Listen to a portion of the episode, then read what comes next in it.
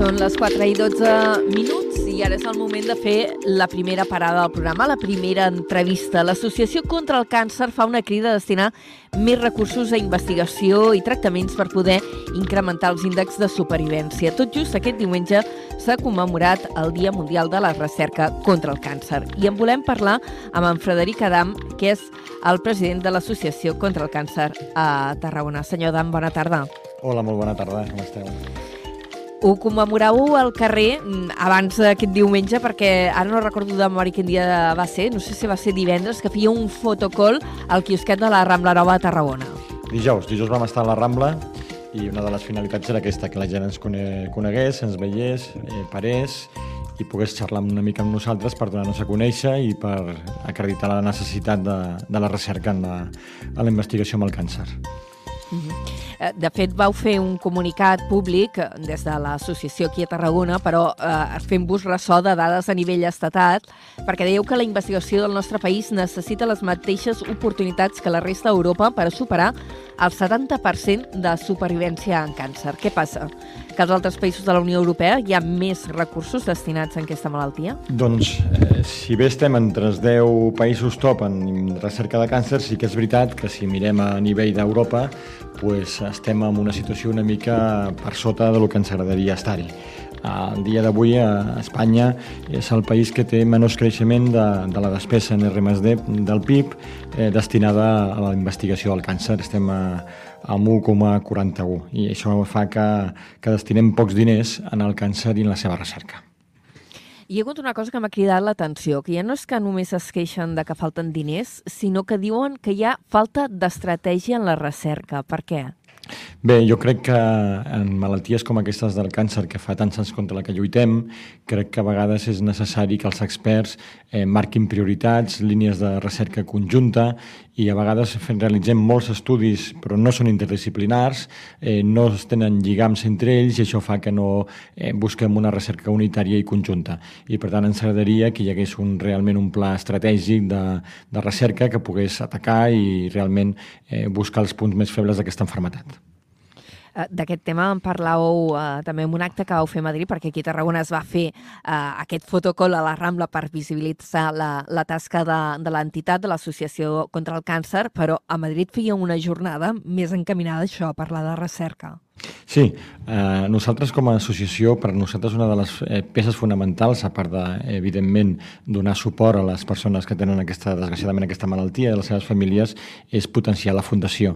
La fundació és la que destinem, destinem eh, els diners que, per la recerca i el que fem és intentar eh, donar-nos a conèixer perquè la veritat és que eh, oferim anualment molts programes competitius per efectes de que investigadors professionals, sanitaris, eh, professors universitaris de l'àmbit l'àmbit de la medicina, de la infermeria, eh, puguin presentar-se a programes competitius financiats per nosaltres que tenen com a únic objectiu aquest que us deia abans, que era eh, investigar en aquesta desgraciada malaltia. De fet, ara acabeu d'anunciar que s'ha convocat una nova línia d'ajuts per la recerca en 10 milions d'euros i que està centrada sobretot en els tipus de càncer que tenen un menor índex de supervivència.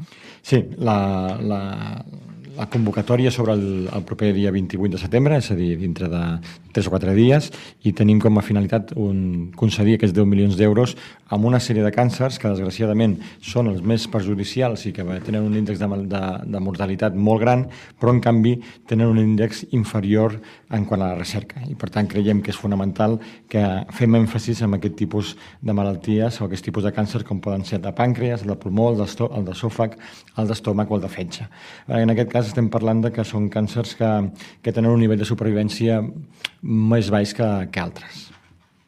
Mm. I aquest objectiu d'arribar al 70% de supervivència al 2030 eh, és una cosa que s'està abordant només aquí a l'estat espanyol o és un objectiu compartit com podrien ser els ODS, els Objectius de Desenvolupament eh, Sostenible, que, que, que tenen un, un àmbit territorial, diguéssim, molt gran, no? S'estan plantejant a nivell europeu.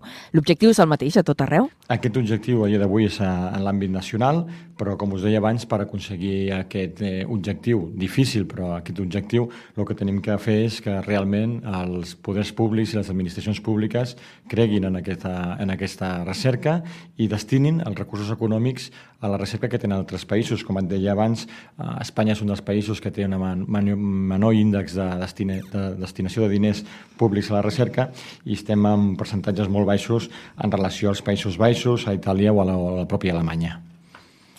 Uh, parlàvem d'aquesta línia de recerca, d'aquesta línia d'ajuts que ara traieu uh, a convocatòria de 10 milions d'euros. Estem parlant de molts diners. Quines són les vies de finançament que, que teniu l'Associació contra el Càncer?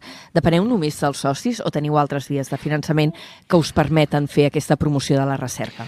La principal línia de, de finançament són els socis. Nosaltres som una entitat altruista que no tenim cap, cap ànim de lucre i tots els diners que recaptem de, dels socis estan destinats destinats a, a, dos, a dos àmbits principalment. Un, com us deia abans, és el de l'atenció eh, sanitària i psicològica a les familiars i a les persones que pateixen aquesta malaltia, però després un altre molt important i podem dir que quasi fonamental a la nostra associació és destinar aquests diners a la recerca. També és cert que hi ha determinades entitats, empreses, que, societats que destinen diners de forma altruista a l'associació i que nosaltres revertim en la recerca en el càncer. Mm -hmm. Uh, parlaves d'aquesta tasca uh, de suport a familiars i, evidentment, als malalts. A quanta gent esteu atenent hores d'ara aquí a Tarragona? Pues estem atenent mensualment, eh, podem dir, quasi vora 50 persones i lamentablement és un número de persones que va augmentant. Ens agradaria poder dir que, que ens hem quedat sense feina, però desgraciadament això no és així, sinó que la, ens està demostrant el dia a dia que cada vegada hi ha més, can, més casos de, de càncer i la previsió és que un de cada dos homes i un de cada tres dones pateixin aquesta malaltia durant la seva vida. I per tant cada vegada estan més diagnosticats. També és cert que amb, gràcies a les mesures de prevenció eh, es detecten molt més aviat i això fa que, que la supervivència sigui més gran, però lamentablement podem dir que, que encara no hem abolixat la nostra feina i podríem dir que estaríem encantats de la vida que aquesta entitat desapareixés, però desgraciadament crec que, que els números de, dia, de la societat de dia d'avui no van per aquest camí perquè quin tipus de suport els oferiu? Eh, suposo que la cosa va més encaminada al, al tractament psicològic, tenint en compte que acostumen a ser malalties de llarga durada i que generen molt de desgast emocional, sí, també. Nosaltres no fem diagnòstics, els diagnòstics els realitzen els metges en els centres sanitaris hospitalaris, però nosaltres fem una funció eh, d'acompanyament i assistencial posterior o durant la malaltia. Nosaltres a les nostres, a les nostres eh, oficines doncs, tenim diferents professionals relacionats amb la medicina i l'àmbit sanitari, com poden ser psicòlegs, eh, fisioterapeutes i treballadors socials, que intenten donar una, una ajuda global, no només al, al pacient, sinó a tota la seva família. Evidentment, des de l'àmbit psicològic psicològic, és molt important acompanyar la persona malalta i la seva família, doncs és un sotrac molt important en la vida d'una persona i de la seva família i el que intentem és que eh, la realitat eh, que estan vivint pugui ser eh, portada amb, amb, la, amb la major normalitat dintre d'aquest problema que estan patint. Evidentment, després, aquestes malalties necessiten d'unes ajudes de fisioterapeutes perquè el cos eh, i els músculs no facin la vida normal i puguin desenvolupar amb, amb normalitat la seva vida quotidiana i després també en l'àmbit eh, dels treballadors socials doncs, eh, intentem buscar els col·lectius socials menys afavorits i intentar ajudar-los en aquest procés que no només eh, té problemes problemes eh, emocionals, sinó també econòmics. I quina és la, la situació del tractament d'aquesta malaltia al territori aquí? Eh, tenim com a centre de referència l'Hospital de Sant Joan de Reus en oncologia. Sí, el Sant, eh, bueno, tenim diversos hospitals que, són, eh, que tracten aquestes malalties. És evident que l'Hospital de Sant Joan de Reus és el centre més pioner o més mm, referent dintre de, de la província, però també des de l'Hospital de Valls de la Cinta, des de l'Hospital de Joan 23, doncs es deriven casos i, i bueno, doncs, desgraciadament, eh, tots els seus centres hospitalaris d'una forma o altra estan involucrats en aquest àmbit. Mm -hmm. eh, temps enrere es va parlar de la possibilitat, eh, i si no recordo malament perquè ho estic dient de memòria, eh, que va sortir la proposta mig de la URB, mig de eh, el Col·legi de Metges, de fer un centre de protonteràpia a Vandellós 1, aprofitant les instal·lacions de la central nuclear que s'està desmantellant, la, la planta de Vandellós 1, doncs de fer una planta de tractament a través de protons. És un altre tipus de radiació. Eh, des de l'Associació contra el Càncer eh, també hi esteu involucrats en, en l'impuls o en la promoció d'aquest projecte del qual s'havia parlat en el seu moment? El problema és que aquest projecte, de moment, està aturat, perquè si bé al principi semblava que era una gran iniciativa, han sortit diferents estudis que posen una mica en entredit el resultat d'aquest eh, nou mecanisme de tractament de la malaltia. I, per tant, sí que és cert que nosaltres estem a l'espera una mica de resultats científics eh, objectius que puguin acreditar si realment aquest nou sistema de tractament del càncer és efectiu o no és efectiu. Doncs ens ha acompanyat el, el Federic Adan. Eh, també et volíem preguntar si teniu alguna altra acció més prevista ara així a curt termini o com es pot posar la, en contacte la gent amb vosaltres. Bé, nosaltres eh, m'agrada vindre aquí als mitjans de comunicació perquè ens serviu d'altaveu per poder donar-nos a conèixer i nosaltres el que necessitem és eh, mans i necessitem voluntaris. Per tant, qualsevol persona que m'estigui escoltant i tingui un àmbit solidari i cregui que pot ajudar a una altra persona, nosaltres estem a l'Avinguda Roma, a les oficines oficines les tenim a peu de carrer, serà benvingut i segur que trobarem una forma d'ajudar altres famílies i persones que necessiten del seu suport i de la seva ajuda. Per tant, ens agradaria poder augmentar el nostre nombre de voluntaris i totes les persones que vinguin seran, seran benvingudes. Ara tenim diferents, diferents activitats.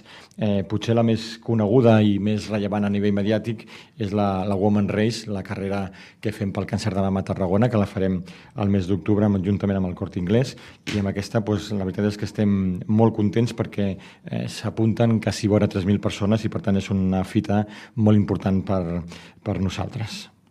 També hi havia de finançament, entenc, no?, amb les inscripcions? També hi ha una via de finançament. Una part d'aquests diners que, que ingressen a, a, la, a la inscripció en la carrera, doncs, com et deia, es destinen a la seva totalitat a la, a la investigació i la recerca del, del càncer. Les teniu obertes ja, les inscripcions? Ja estan obertes, es poden donar d'alta qualsevol persona, ja sigui presencialment al Corte Inglés, agafant el, agafant el dorsal i, qual, com et deia, doncs, eh, qualsevol inscripció el que farà és aportar la seva granet de sorra amb aquesta ajuda a l'associació i, per tant, als familiars que estan patint aquesta malaltia.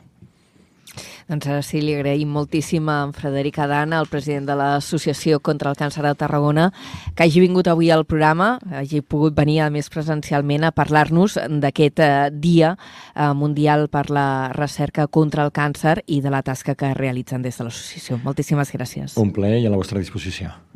Fins ara, adeu-siau.